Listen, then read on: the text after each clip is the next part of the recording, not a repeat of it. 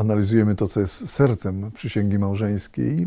E, Początkiem tego serca przysięgi małżeńskiej było wypowiedzenie słowa biorę Cię za żonę czy za męża, czyli za osobę, którą kocham bezwzględnie najbardziej na tej ziemi. I teraz następuje kolejne słowo, niesamowicie ważne, i ślubuję Ci. Co znaczy słowo ślubuję? To znaczy podejmuję decyzję. Otóż e, małżeństwo jest dlatego tak ważne, bo to jest oświadczenie woli. To jest oświadczenie publiczne przed Bogiem i przed ludźmi, nie tylko przed e, narzeczoną, narzeczonym, oświadczenie mojej decyzji, na co się decyduję. E, Za chwilę będzie o tym właśnie, na co się decyduję, ale najpierw jest e, podkreślenie, to jest moja decyzja. To, co teraz następuje, to, że wziąłem Ciebie za żonę, za męża i że teraz zacznę Ci za chwilę coś ślubować, coś konkretnego, to właśnie jest moja decyzja. Czasami ktoś mówi y, tak z ironią, księże Marko, a po co mi ten ślub w XXI wieku? Po co mi ten świstek od księdza? Ja mówię, człowieku, to nie jest świstek od księdza, to jest twoja decyzja. Czyżbyś twoją decyzję tak lekceważył? To y, możesz nie dostać żadnego kwitka od, kwitka od księdza.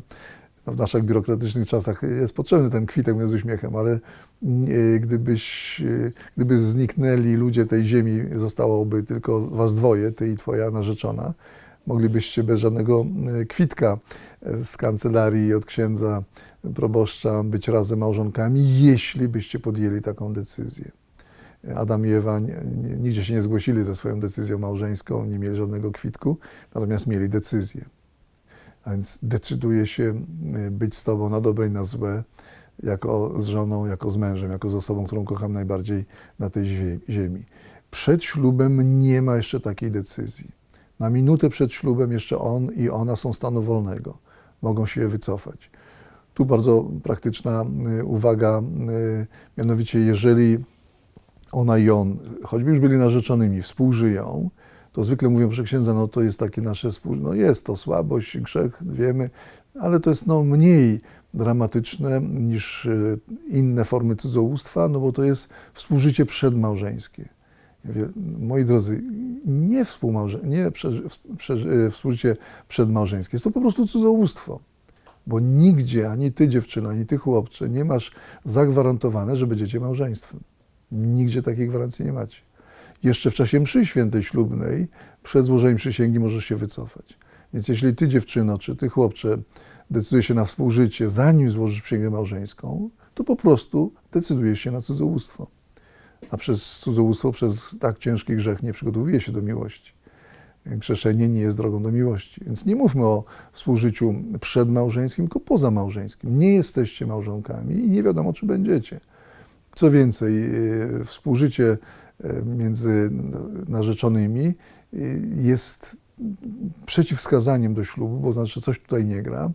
Jedno z nich, powiedzmy, nie panuje nad popędem, no to wtedy nie jest w stanie kochać. Drugie z kolei daje się terroryzować, szantażować, też w związku z tym nie jest w stanie kochać za słaba osobowość, za słaby charakter. I w związku z tym współżycie przed ślubem jest najczęściej drogą do rozstania. No, zwłaszcza on, mężczyzna, przestaje być po współżyciu tak zauroczony tą dziewczyną jak wcześniej. No i zwykle, jak to się mówi, rzucił dziewczynę, wykorzystał i rzucił.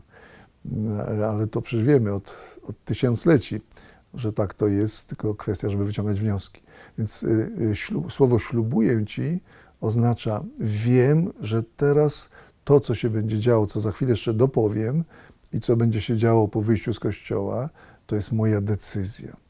To nie jest to, że Bóg mi tak każe, to nie Bóg przesyła żonę męża, to my sobie wybieramy na naszą odpowiedzialność i to nie jest tak, że muszę, no bo jak będę sam żył czy sama, nie, nie. To jest moja decyzja, świadoma, dobrowolna i inaczej małżeństwo jest w ogóle nieważne. I tutaj, żeby ta decyzja była ważna i błogosławiona, to musi być moja wolność. Czyli przysięgę małżeńską może złożyć tylko człowiek, który ma największą władzę we wszechświecie, jak ja to lubię po mojemu określać, mianowicie władzę nad samym sobą. Czyli przysięgę małżeńską w sposób ważny może złożyć ktoś, kto panuje nad swoim ciałem, nad popędem, nad instynktami, kto panuje nad uczuciami, nad emocjami, nad naciskami zewnętrznymi, kto jest wolny, czyli ma władzę nad samym sobą, ma władzę kierowania własnymi słowami, czynami, decyzjami. To ja decyduję o moim życiu.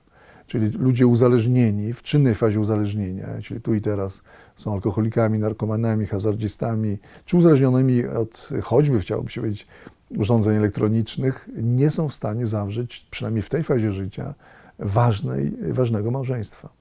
Bo mogą powiedzieć słowo i ślubuję ci, ale nie są w stanie go wypełnić. Bo powiedzieć ślubuję ci i wypełnić ślubowanie może ktoś, kto dysponuje wolnością.